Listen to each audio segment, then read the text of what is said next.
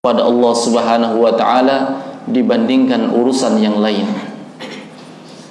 Mengkedepankan tauhidullah, mentauhidkan Allah. Tauhid artinya menunggalkan. Dari kata wahada yuwahidu tauhidan, menunggalkan Allah di dalam seluruh bentuk ibadah. Salatnya, puasanya, rukuknya, sujudnya, menyembelihnya, nadarnya dan seterusnya dan seterusnya. Ini dasar pokok dakwah para nabi dan rasul Allah Subhanahu wa taala. Maka siapa saja yang memasukkan dirinya dalam lingkup dakwah dan kita harus semua harus berdakwah. Tidak boleh tidak. Dakwah itu bukan hanya tugas ustaz, bukan. Dakwah itu tugas kita semua. Allah berfirman, "Qul hadhihi sabili ad'u ila Allah ala basiratin ana wa man ittaba'ani. Katakan wahai Muhammad, Nabi disuruh mengatakan kepada semua sahabatnya, kepada semua umat, hadhihi sabili, inilah jalanku. Kan kita semua mengaku mengikuti jalannya Nabi. Hanya ini jalannya Nabi. Hadhihi sabili, inilah jalanku. Berarti selainnya bukan jalan Nabi. Bagaimana jalannya Nabi? Ad'u ila Allah. Aku berdakwah di jalan Allah. Ana jalanku kata Nabi wa manittaba'ani dan jalannya semua orang yang mengikutiku wahai para pengikut Muhammad. Ayo kita semua pengikut Muhammad sallallahu alaihi wasallam. Kita semua adalah umat Rasulullah. Mari kita berdakwah dengan jalannya Rasulullah dakwahnya Rasulullah, seruannya Rasulullah kepada umat ini sama persis dengan seruan seluruh para nabi dan rasul. Allah berfirman tentang seruan para nabi dan rasul. Walaqad ba'athna fi kulli ummatin rasula an i'budullah wajtanibut taghut. Dan sungguh kami telah mengutus pada tiap umat itu rasul-rasul dari Nabi Nuh, Nabi Hud, Nabi Salih, Nabi Shu'aib, Nabi Zakaria dan seterusnya sampai Rasulullah wasallam. Semuanya tugasnya misinya sama. Ani'budullah agar mereka manusia itu beribadah hanya kepada Allah wajatani taghut dan menjauhi yang namanya taghut, peribadahan kepada selain Allah. Makanya ketika Nabi mengutus sahabat-sahabatnya untuk berdakwah ke negeri-negeri, Nabi praktekkan ini. Nabi berikan wasiat mereka, Nabi berikan wejangan mereka, Nabi berikan arahan mereka bagaimana cara berdakwahnya. Nabi mengutus Abdullah bin Abbas ke Yaman. Nabi mengutus Mu'ad bin Jabal ke Yaman. Kata Rasulullah memberikan arahan, "Ya Mu'ad, wahai Mu'ad, innaka ta'ti qauman min ahli kitab. Engkau itu akan mendatangi suatu kaum dari ahli kitab. Ahli kitab. Ahli kitab itu orang yang pandai cerdas-cerdas. Ketika Nabi mengutus Mu'ad ini di situ sudah ada syariat sholat. Di situ sudah ada syariat puasa tetapi Nabi arahkan falyakun falyakun awwala ma tad'uhum ilaih syahadati an la ilaha illallah wa fi riwayah ila ay wahidullah wa fi riwayah ay ya'budullah. Maka hendaklah yang pertama engkau jadikan dakwahmu itu adalah menyeru ke mereka kepada la ilaha illallah dalam satu riwayat menyeru mereka agar mereka beribadah kepada Allah. Dalam satu riwayat menyeru mereka agar mereka mentauhidkan Allah Subhanahu wa taala karena tauhid ini sumber kebaikan. Al-Qur'an semuanya tauhid kata Ibnu Qayyim.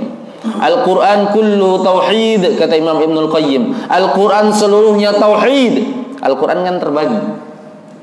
Bukan terbagi Al-Qurannya, terbagi makna-makna isi kandungannya menjadi tiga sepertiganya al-amru wan nahyu. Perintah dan larangan, ya kan? Penuh Al-Qur'an dengan perintah dan larangan. Wahai manusia, lakukan ini, wahai manusia, jangan lakukan ini, larangan. Sepertiganya lagi ahkam, hukum-hukum.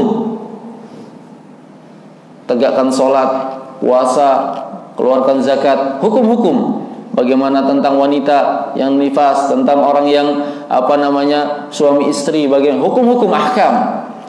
Yang ketiga, kisah, cerita-cerita. Cerita tentang Nabi Musa seperti yang dibaca tadi, cerita tentang Nabi Adam, cerita Nabi ya.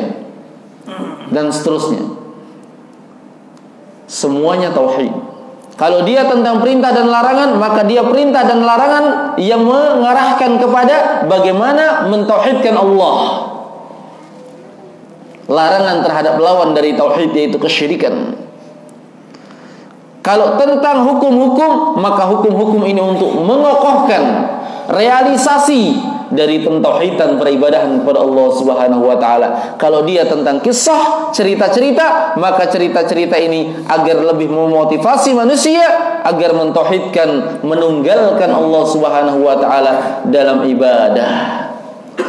Jamaah sekalian yang dimuliakan oleh Allah Subhanahu wa taala, dakwah hanya kepada tauhid kepada penunggalan pemurnian ibadah hanya kepada Allah. Inilah inti kebaikan. Siapa yang keluar dari jalur ini menghilangkan pemurnian ibadah kepada Allah, ciri kebinasaan. Keselamatan hanya dengan ketika seorang memurnikan ibadah kepada Allah. Lihat dakwah kita misalnya ke Lombok. Apa yang kita dahulukan? pemurnian ibadah karena sebab kehancuran mereka sebab kehancuran seluruh negeri ketika ada masalah pada masalah tauhidnya. Ada penyelewengan di dalam ibadahnya. Lihat di dalam Al-Qur'an hebatnya tauhid dalam menyelamatkan seorang dari musibah. Allah berfirman, "Fa'idza rakibu fil fulk da'a Allah mukhlishina lahud din." Ketika mereka orang-orang musyrik itu meraungi lautan, berlayar di dadas di lautan, di tengah lautan. Tiba-tiba datang ombak yang sangat besar. Secara akal jamaah, secara akal tidak mungkin ada yang bisa selamat dengan ombak yang sebesar itu dan perahu yang sekecil itu yang mereka pakai. Tidak mungkin secara akal. Seluruh ahli disuruh berpikir bisa selamat tidak kira-kira tidak mungkin bisa selamat kalau kondisinya seperti itu apa yang dilakukan orang musyrik? Dalam kondisi seperti itu da'allah mukhlishina lahuddin. Mereka kembali berdoa menyeru kepada Allah Subhanahu wa taala dengan mengikhlaskan agama dengan mengikhlaskan ibadah hanya kepada Allah minta hanya kepada Allah. Apa yang terjadi? Falamma najjahum ilal bar. Allah selamatkan mereka ke dasar ke, ke laut ke daratan Allah selamatkan dengan sebab doa mereka yang ikhlas tapi dasar orang musyrik falamma ilal bar ketika mereka diselamatkan di daratan idahum yusyrikun mereka kembali berbuat kesyirikan jadi jangan semakin diberikan musibah semakin rusak keyakinannya. Ada yang mengatakan ini gara-gara penghuni gunung, gunung Rinjani yang marah lah. Allah yang marah. Allah yang murka. Dengan sebab pemalingan ibadah, dengan sebab maksiat. Maksiat itu sendiri jamaah terlahir terlahir dari tidak adanya keikhlasan seorang hamba. Kita masih suka berbuat maksiat, berarti ikhlas kita masih perlu dipertanyakan. Para ulama menjadikan dalil hari ini salah satunya ayat tentang Nabi Yusuf. Nabi Yusuf digoda oleh apa? Wanita ya. Wanitanya Zumalin wa Sabin memiliki kedudukan dan memiliki harta. Jarang-jarang orang begini, memiliki kedudukan, memiliki harta, memiliki kecantikan. Jarang-jarang orang yang mengumpulkan seperti itu ditambah memiliki kesempatan.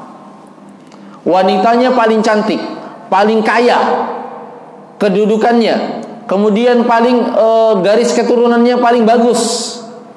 Menyeru. Paling memiliki peluang kesempatan dipanggil. Waqalat talak mari. Tidak ada yang halangi kita. Bayangkan terjaganya pintunya sampai tujuh. Dikunci semua. Ya Nabi Yusuf menolak, tidak mau berbuat maksiat. Allah sebut rahasianya dalam Al-Quran. Kenapa Nabi Yusuf mampu menolak maksiat? Dalam kondisi yang sedemikian rupa hebatnya, ajakan, seruan untuk berbuat maksiat. Allah sebutkan rahasianya. كذلك لنصرف عنه السوء والفحشاء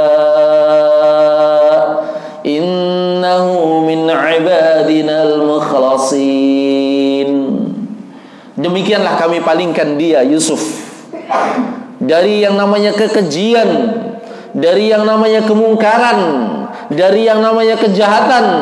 Kenapa?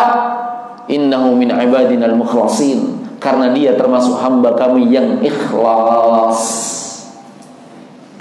Hebatnya yang namanya keikhlasan jamaah. Ikhlas ini tauhid. Penunggalan ibadah, pemurnian ibadah kepada Allah. Kapan tercampuri dengan sedikit saja kesyirikan, lawan dari tauhid, habis sudah. Syirikan kesyirikan yang sangat membahayakan yang Allah Subhanahu wa taala katakan dalam Al-Qur'an, "Innallaha la yaghfiru an yushraka bih wa yaghfiru ma duna dzalika liman yasha." Sesungguhnya Allah tidak akan mengampuni dosa kesyirikan dan mengampuni dosa selainnya bagi orang-orang yang Allah kehendaki. Kesyirikan tidak akan diampuni. Kesyirikan itu betul-betul noda yang sangat mengerikan. Itu syirik. Lawannya ikhlas. Makanya ikhlas murni artinya. Ikhlas itu bukan tulus ya. Kalau tulus kan bisa tanpa pamrih, tanpa mengharap pahala. Ikhlas itu memurnikan ibadah dengan mengharapkan pahala di sisi Allah Subhanahu wa taala. Kesyirikan sekecil apa pun membahayakan. Contohnya, tidak dimakan ikhlas ya kalau ada kesyirikan di dalamnya. Contoh, saya contohkan. Biasanya saya kalau ceramah ada air minum di sini. Air apa biasanya?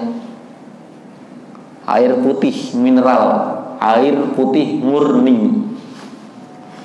Ya tidak. Saya celupkan dengan seujung sendok, ujungnya saja. Kopi. Berubah tidak airnya? Jadi air apa? hilang nama air putihnya jadi kopi padahal kopinya lebih sedikit atau airnya yang lebih sedikit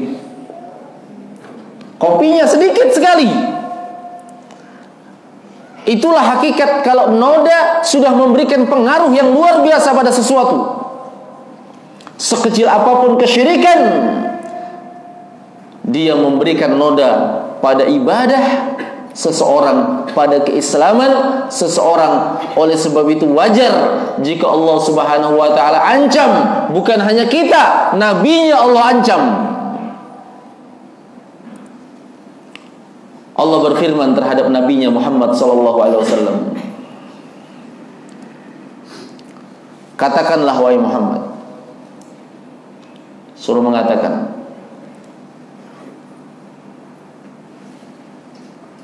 Bahwasanya siapa yang melakukan kesyirikan faqad habita amaluh.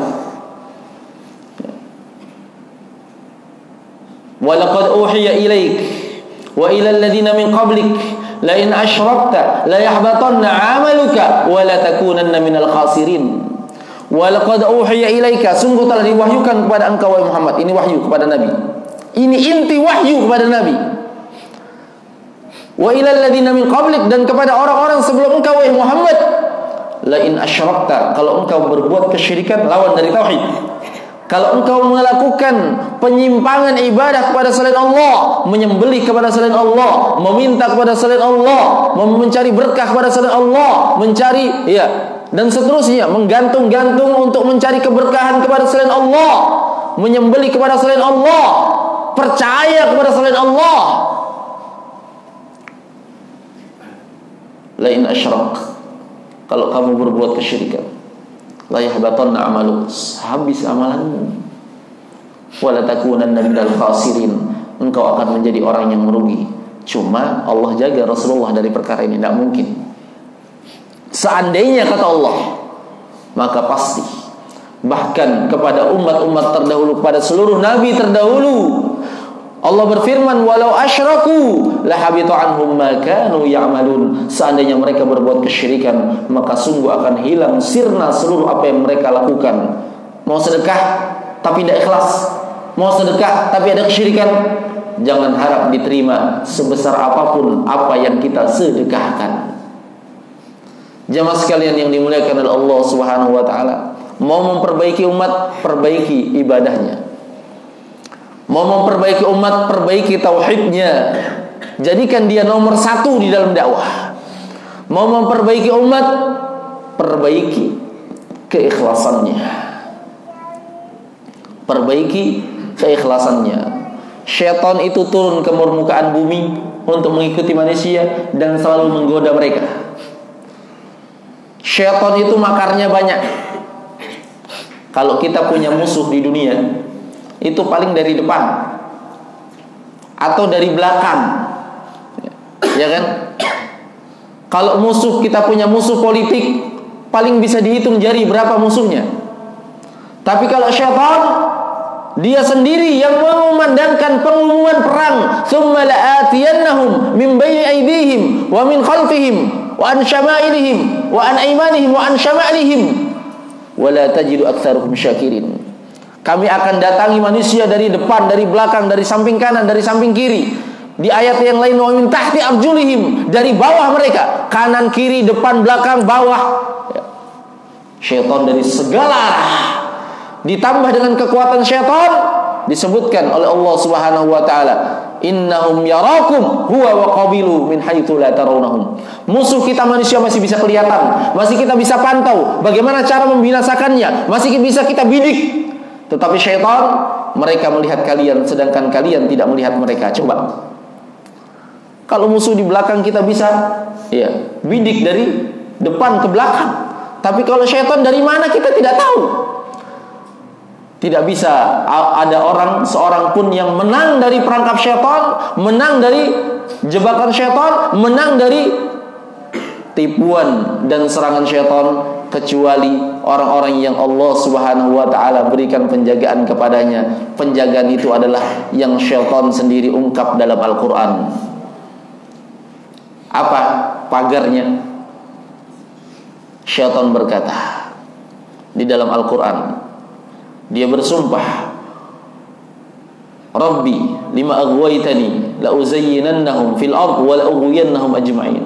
Wahai Tuhanku, karena engkau telah menyesatkanku, maka sungguh demi kemuliaanmu aku akan menyesatkan mereka. Dan aku akan menyesatkan mereka seluruhnya. Aku akan ganggu mereka. Illa ibadaka minhumul mukhlasin. Sudah kalah duluan syaitan, belum maju. Kecuali hamba-hambamu yang ikhlas. Syaitan tidak punya kemampuan hanya satu cara mengalahkan syaitan jamaah. Perbaiki tauhid kita. Bukan hanya mengalahkan syaitan, mengalahkan segala musuh. Perbaiki tauhid. Perbaiki pemurnian ibadah kepada Allah dengan cara at-tasfiyah wa tarbiyah. At-tasfiyah membersihkan segala noda kesyirikan. At-tarbiyah memasukkan memasukkan keyakinan yang benar, ilmu yang benar. Ini kan inti Islam. Islam itu bukan hanya tarbiyah. Islam itu dipenuh, dipenuhi dengan tasfiyah wa tarbiyah, pembersihan dulu. La ilaha terlebih dahulu, baru illallah. Ditiadakan dulu ibadah selain Allah baru ditetapkan betul-betul Allah yang berhak untuk diibadahi betul-betul ditetapkan Allah semata yang berhak untuk diibadahi bukan berarti dipisah ya tetap dua-duanya harus ditiadakan dengan cara menetapkan Allah saja ini ini jamaah. Kita mau memperbaiki kawan-kawan kita saudara-saudara kita yang tertimpa musibah. Dahulukan ini.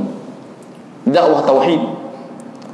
Bagaimana mereka kembali kepada Allah kembali kepada Allah kembali kepada Allah.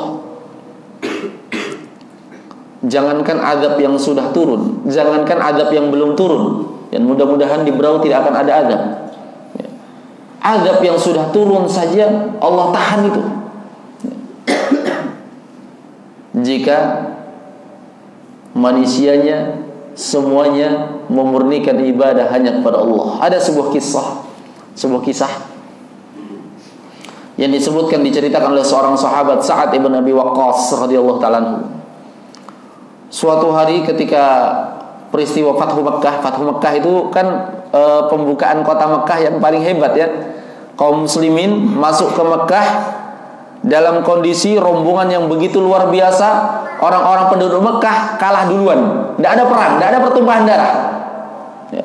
Semuanya berbondong-bondong masuk Islam karena melihat Islam yang sudah besar ini. Tapi ada juga yang apa? Wafar man farro. Ada orang yang keluar. Karena kalau di dalam Mekah hanya ada dua kondisi, apakah dia masuk Islam atau dia apa? Tetap dalam keadaan kafir tapi membayar denda, membayar pajak ya. Akhirnya ada orang yang memilih keluar dari kota Mekah, tidak mau bersama kaum muslimin. Di antaranya adalah Ikrimah ibn Abi Jahal. Dia mau pergi menuju Yaman pakai perahu. Perahu. Sudah dia masuk ke perahu itu, mulai berangkat meninggalkan Mekah. Tidak mau dia diatur oleh Muhammad. Kebenciannya luar biasa. Tahu ya anaknya Abu Jahal. Ya. Ikrimah bin Abi Jahal. Setelah sampai di tengah, Allah menghendaki datang angin topan dan ombak yang begitu besar. Tidak mungkin bisa selamat ini. Maka sahibus safinah pemilik perahu itu mengatakan, "Akhlisu lillah." Ikhlaskan ibadah, doa kepada Allah semuanya kalian penumpang. Wah, bingung kirim hadiah aja lari karena tidak mau masuk Islam. Bagaimana cara mengikhlaskan? Tapi sudah terbukti memang kalau orang ikhlas itu diselamatkan. Akhirnya kata Ikrimah, demi Allah. Seandainya Allah menyelamatkan aku dalam peristiwa ini, aku tidak jadi pergi, aku akan kembali mendatangi Muhammad dan berislam. Apa yang terjadi dengan ucapan keikhlasan ini? Ucapan dia menyerahkan diri hanya kepada Allah. Allah selamatkan mereka dari mara bahaya. Akhirnya dia pun kembali. Subhanallah. Dalam kondisi yang sangat genting seperti ini ternyata jalan keluarnya adalah ikhlas, ikhlas, ikhlas. Perbaikan hati jamaah. Perbaiki hati masyarakat kita. Perbaiki hati kaum muslimin. Perbaiki hati rakyat, maka semuanya akan menjadi baik. Yang kata Nabi sallallahu alaihi wasallam, "Inna fil mudghah." Sesungguhnya pada diri seorang ada gumpalan daging. Idza salahat salahal jasadu kullu. Jika baik maka baik seluruh amalannya, baik seluruh anggota tubuh yang lainnya. Wa idza fasadat fasadal jasadu kullu. Jika rusak maka rusak seluruhnya. Saya kira ini apa yang bisa saya sampaikan berkaitan dengan pentingnya mendahulukan perkara tauhid perkara memurnikan ibadah kepada Allah, perkara yang lain-lain, perselisihan fikih, perselisihan cara beramal, ini bukan perkara yang pokok sekali di dalam agama kita. Kapan seorang sudah kuat pemurnian ibadahnya tauhidnya, maka apa pun dari amalannya, kapan masih memiliki sandaran Al-Quran dan Sunnah yang kadang seorang berbeda dalam pahamnya, akan kembali semua menjadi satu. Akan kembali semua menjadi satu. Ya, saya kira ini mudah-mudahan bermanfaat. Uh, Insya Allah selanjutnya kata panitia uh, diberikan kesempatan bagi yang ingin bertanya. Ya, mudah-mudahan kita bisa memberikan jawaban sesuai dengan kemampuan kita. Nah, dipersilahkan.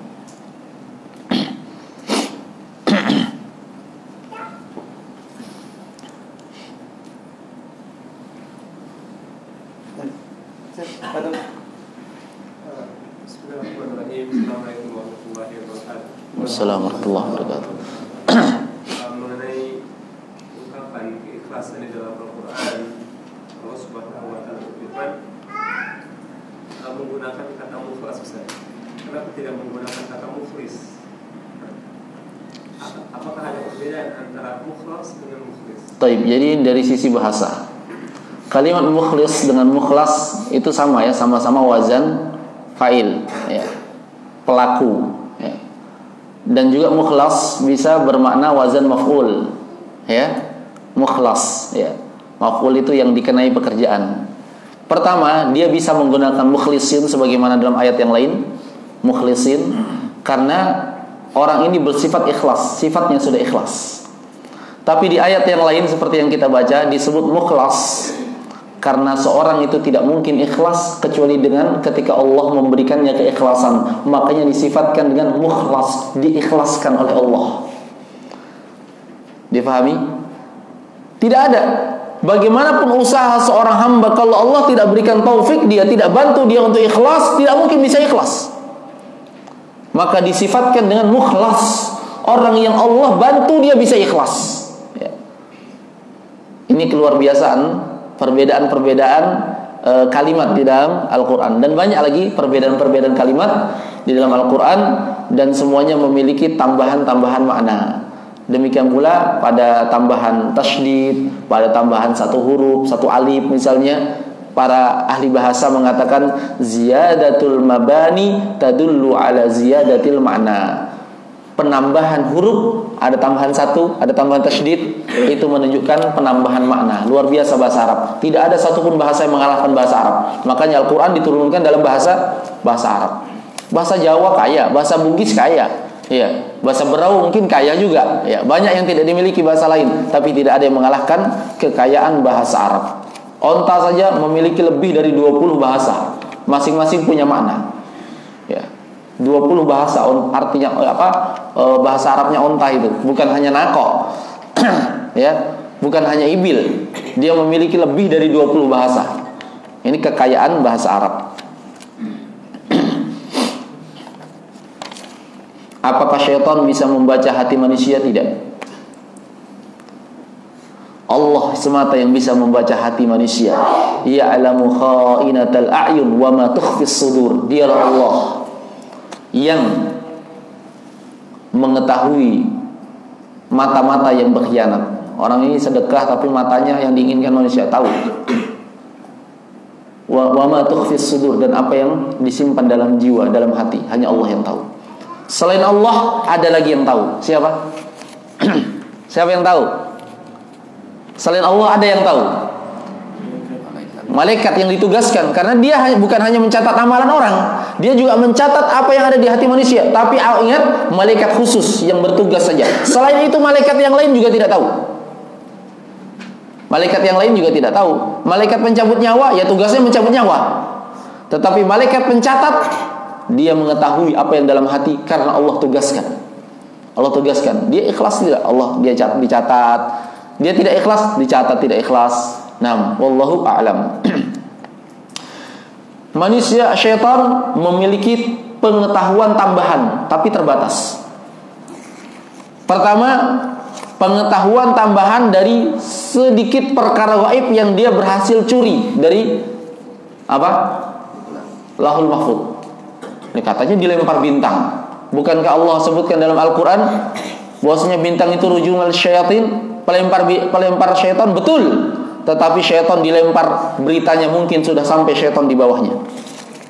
Jadi bisa, tapi tidak semuanya. Jarang sekali itu usaha syaitan dalam apa? Mengetahui perkara gaib, tapi jarang sekali. Ya. Kemudian yang kedua, gaib ya. Yang dari sudut pandang satu satu sisi dan satu sisi dia bukan perkara yang goib bagi syaitan. Contoh, kalau uh, misalnya ada dompet kita jatuh, tidak ada orang yang tahu di mana jatuhnya. Ini goib tidak bagi syaitan? Tidak goib, karena ketika jatuh di situ ada syaitan. Jadi kadang itu memang dukun betul juga karena menggunakan manfaatkan ini. Wah ternyata dukun itu benar. Bukan berarti dukun itu orang yang benar, walaupun dia kadang betul ucapannya, tapi tetap tetap haram mendatangi dukun. Kenapa? Karena dukun yastakhdimu syayatin, menggunakan syaitan. Ketika dompet kita jatuh, syaitan ada di situ. Ketika dukun, nah, dukun ini apa namanya? Dukun kan setan di mana-mana. Dukun menggunakan setan, ya setan tinggal umumkan di kawan-kawannya. Siapa yang tadi lihat jatuh dompetnya si fulan? Ya. Iya kan? Tidak gaib. bagi dia dalam perkara ini karena di situ lihat. Jadi kadang kalau dikatakan kadang betul Ustaz dukunnya, ya kadang betul dia menggunakan syaitan, tidak goib bagi dia dalam urusan ini. Tapi kalau dalam masalah rezeki, minta rezeki, masalah jodoh, jangan pernah percaya dengan mbah dukun ataupun belum jadi mbah. Ya. Lam tuqbal salatuhu arba'ina yauman. Tidak diterima salatnya 40 hari. Kalau percaya apa yang dia katakan, faqad kafara bima unzila ala Muhammadin sallallahu alaihi wasallam. Kufur dengan apa yang dibawa oleh Rasulullah sallallahu alaihi wasallam. Ini yang perlu diperbaiki pada umat kita saat ini.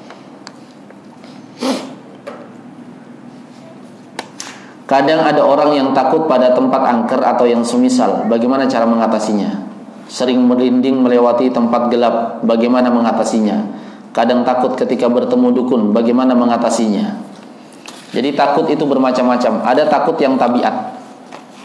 Takut kepada tempat yang angker, angkernya dilihat. Kalau angkernya karena gelap, takut di situ ada ular, takut ini itu takut tabiat.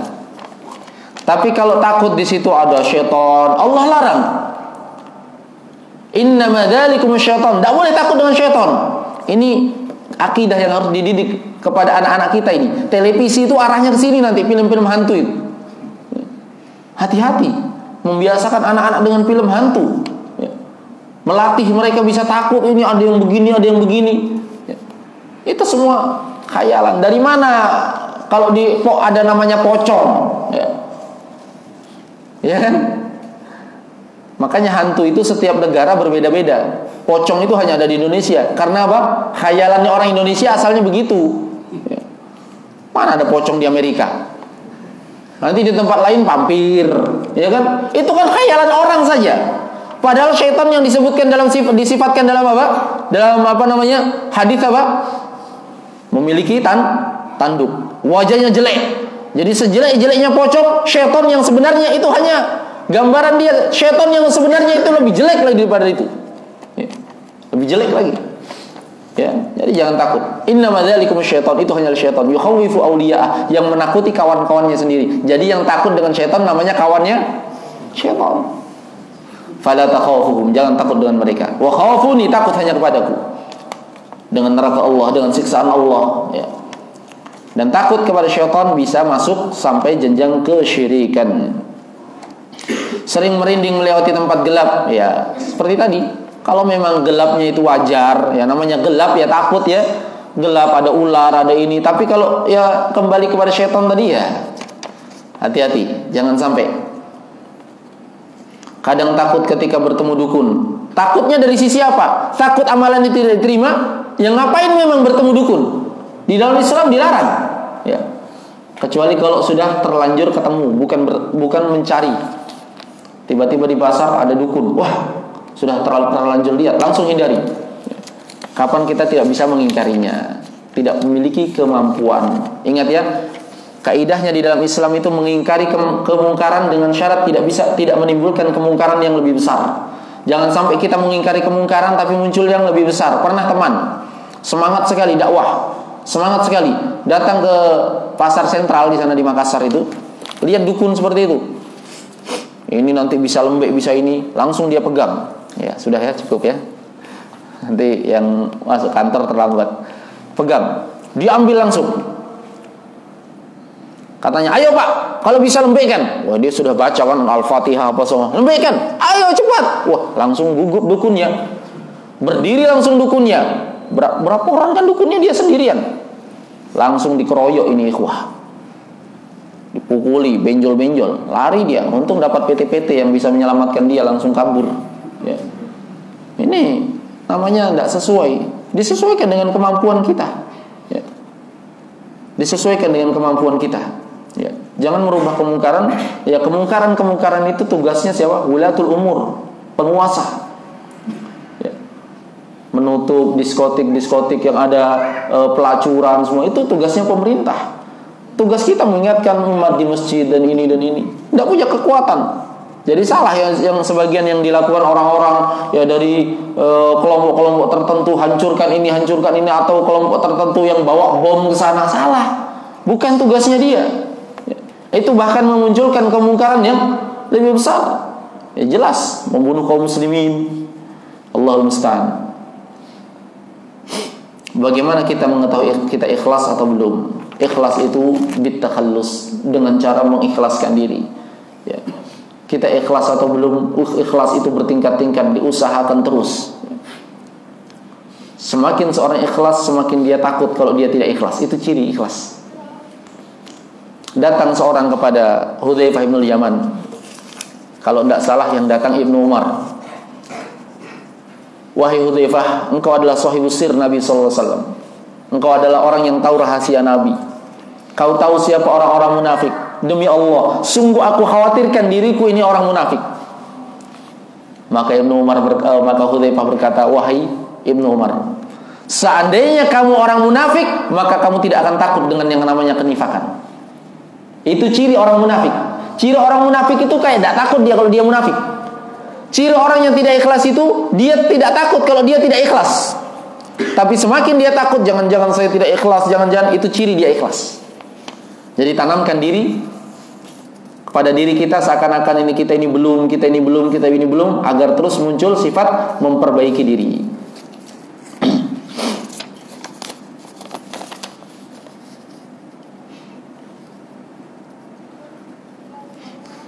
Bagaimana cara menasihati saudara perempuan yang mereka merasa ilmunya lebih tinggi dalam beragama, tapi mereka masih terjerat dalam perkara riba, cinta dunia, ya. Cinta dunia kita semua cinta dunia ya. Rakus terhadap dunia maksudnya. Kalau cinta dunia siapa yang tidak cinta dunia? Siapa yang tidak mau duit? Angkat tangan yang tidak mau duit, ya. Tidak ada. Semua kita cinta dunia, tapi kata ulama, jangan jadikan dunia itu di hatimu. Jadikan dunia di tanganmu. Cari dunia. Tapi jangan ditaruh di hati. Hati kita ikhlas kepada Allah. Terus ibadah kepada Allah. Mereka berpikiran kalau tidak melakukan hal tersebut hidup akan susah. Taib. Yang pertama yang ditanyakan di sini cara menasihatinya berarti dia sudah tahu. Cara menasihati siapa pun saudara kita ini itu harus dengan kelembutan. Nabi kalau tidak lembut hatinya dalam menasihati manusia tidak akan sampai Islam kepada kita. Walau kunta faddan ghalidhal qalb lam faddu min hawlik. Seandainya engkau bersikap keras wahai Muhammad, mereka akan jauh darimu. Lihat posisi kita dengan saudara kita dekat enggak? Kalau dekat saja belum, pendekatan dulu dilakukan. Pendekatan dulu dilakukan. Kita sudah saling mencintai, sudah ngobrolnya aman, ngobrol apa saja sudah aman, sudah enak, memberitahu apa saja. Eh, enggak bagus Dan jangan jangan sok mengilmui. Ini salah satu cara yang salah menyampaikan dalil-dalil itu tugasnya ustadz kalau sudah ustadz begini apa kalau di rumah masa kita pak saya mau nasihati bapak ini Allah berfirman begini-begini ya ngamuk lah. Bukan posisinya kita seperti itu. Ya. dengan canda misalnya dengan sambil cara maka apa ditraktir makan dia jangan kita tidak pernah memberikan sesuatu. Pernah kejadian ikhwah.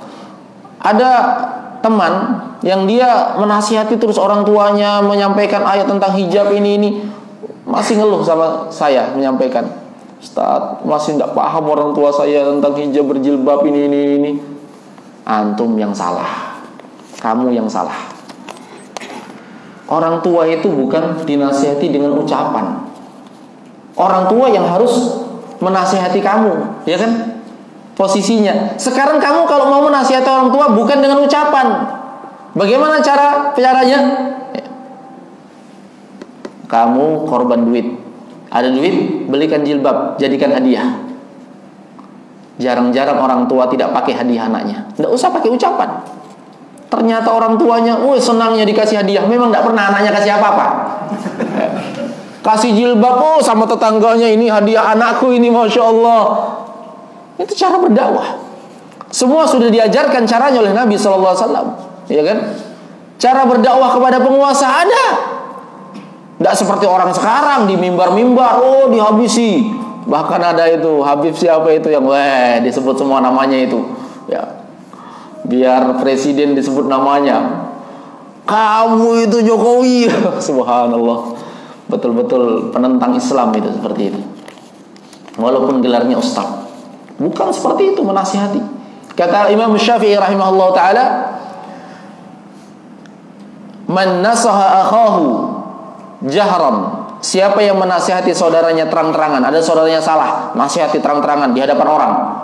Di hadapan ini. Saya kebetulan ada satu ikhwah yang saya tidak suka. Di sini saya sebut semua aib-aibnya di depan antum. Faqad fadhah. Itu namanya bukan nasihat kata Imam Syafi'i, itu namanya membongkar aib orang. Wa man nasaha sirran, siapa yang menasihati saudaranya diam-diam bisik-bisikan traktir dulu di restoran faqad nasaha. Itu yang namanya nasihat. Makanya Rasulullah SAW mengatakan, jika engkau mampu untuk menasihati Sultan, seorang pimpinan, punya kenalan, kamu akrab sama dia, kebetulan dulu adalah sahabatmu. Apa kata Nabi? Khud biyadih, ambil tangannya. Kemudian ajak ke tempat tersembunyi. Ansahu sirron, nasihati dia sembunyi-sembunyi. Jangan sampai ditahu orang salahnya. Itu resep dari Nabi langsung. Kenapa tidak dipakai? Ya. Yang dipakai di mimbar-mimbar dibuat buku lah. Ya. Allahul musta'an. Ini orang-orang seperti ini yang merusak dakwah citra Islam. Jadi kembali ya seperti e, perempuan tadi ya. Ya dinasihati dengan cara yang lain dengan cara tidak ada yang lain kah? Siapa tahu ada yang lain lebih berkah lebih ini kayak canda-candaan saja ya tidak usah terlalu serius lah ya serius dalam menasihati tapi dengan cara yang tidak terlalu menampakkan keseriusan seperti itu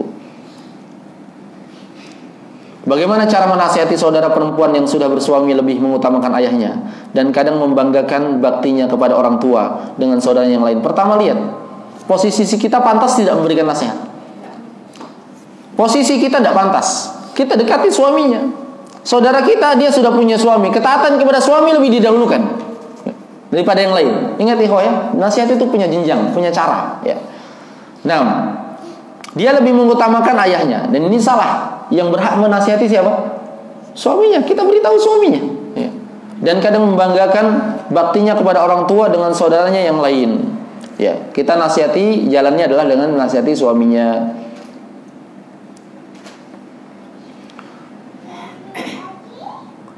Saya pekerjaannya di luar. Untuk safar ditentukan kilometer atau kebiasaan suatu kaum di daerah tersebut. Para ulama berbeda pendapat. Yang benar adalah dikembalikan kepada kebiasaan kaum tersebut. Kalau setahu saya di tempat kita ukuran safar itu sekitar 60 kiloan, ya kan? Perjalanan 2 jam ke atas. Yang tidak sampai itu tidak dinamakan safar. Nah. Baik uh, saya kira cukup mudah-mudahan bermanfaat bermanfaat. Apa yang benar datangnya dari Allah Subhanahu wa taala dan yang salah itu dari kekurangan diri kami. Terakhir sebelum kami tutup saya akan menyampaikan sebuah hadis dan mengungkapkan realisasi dari hadis tersebut. Rasulullah SAW bersabda la yashkurullah man la yashkurun nas. Tidak dianggap bersyukur kepada Allah orang yang tidak berterima kasih bersyukur kepada manusia. Maka kehadiran kami di sini itu tidak lain andil yang sangat kuat ya andil yang sangat besar dari kawan-kawan kita seluruhnya di sini dan uh, seluruh oknum yang membantu keberadaan kita di sini. Maka kami berterima kasih mengucapkan kesyukuran yang sebesar-besarnya kepada seluruh pengurus ya, kepada pengurus masjid ini, panitia masjid ini dan seluruh uh, jajaran pemerintah dan kami juga bersyukur kepada teman-teman panitia dan seluruh jamaah yang hadir di sini yang mau bersabar untuk sama-sama duduk-duduk bersama kami di sini. Ingat, kami di sini bukanlah orang yang ter, yang ter, yang ter tidak, yang terpandai, yang ter ini, yang ter ini tidak. Tetapi kami di sini adalah seorang yang tersuruh saja, ya. Ada ternya juga, tersuruh. Karena kami datang diundang, maka kami merasa tersuruh untuk memberikan nasihat, ya kan? Memberikan wejangan, memberikan saling menasihati, saling munasahah, saling berwasiat, bukan berarti kami yang paling, yang paling dan yang paling tidak sama sekali. Bahkan di sini ada orang-orang orang tua kita dari sisi umur yang kata Nabi SAW mereka lebih berhak ya kata Nabi SAW dalam keimaman saja hendaklah yang menjadi imam adalah yang paling akbarukum sinnan, yang paling tua umurnya, kemudian yang memberi nasihat juga demikian, demikian pula yang memiliki kedudukan, ya seharusnya dia memberikan nasihat kepada kami, maka demikianlah keindahan Islam, al-munasahah, saling menasihati. Bapak kadang menasihati anaknya dan anak juga kadang menasihati orang tuanya. Saya kira demikian, mudah-mudahan bermanfaat. Sekali lagi kami mohon maaf jika ada kesalahan dan kekurangan. Subhanakallahumma bihamdik asyhadu an la ilaha illa anta astaghfiruka wa atubu ilaik. Walhamdulillahirabbil alamin. Wassalamualaikum warahmatullahi wabarakatuh.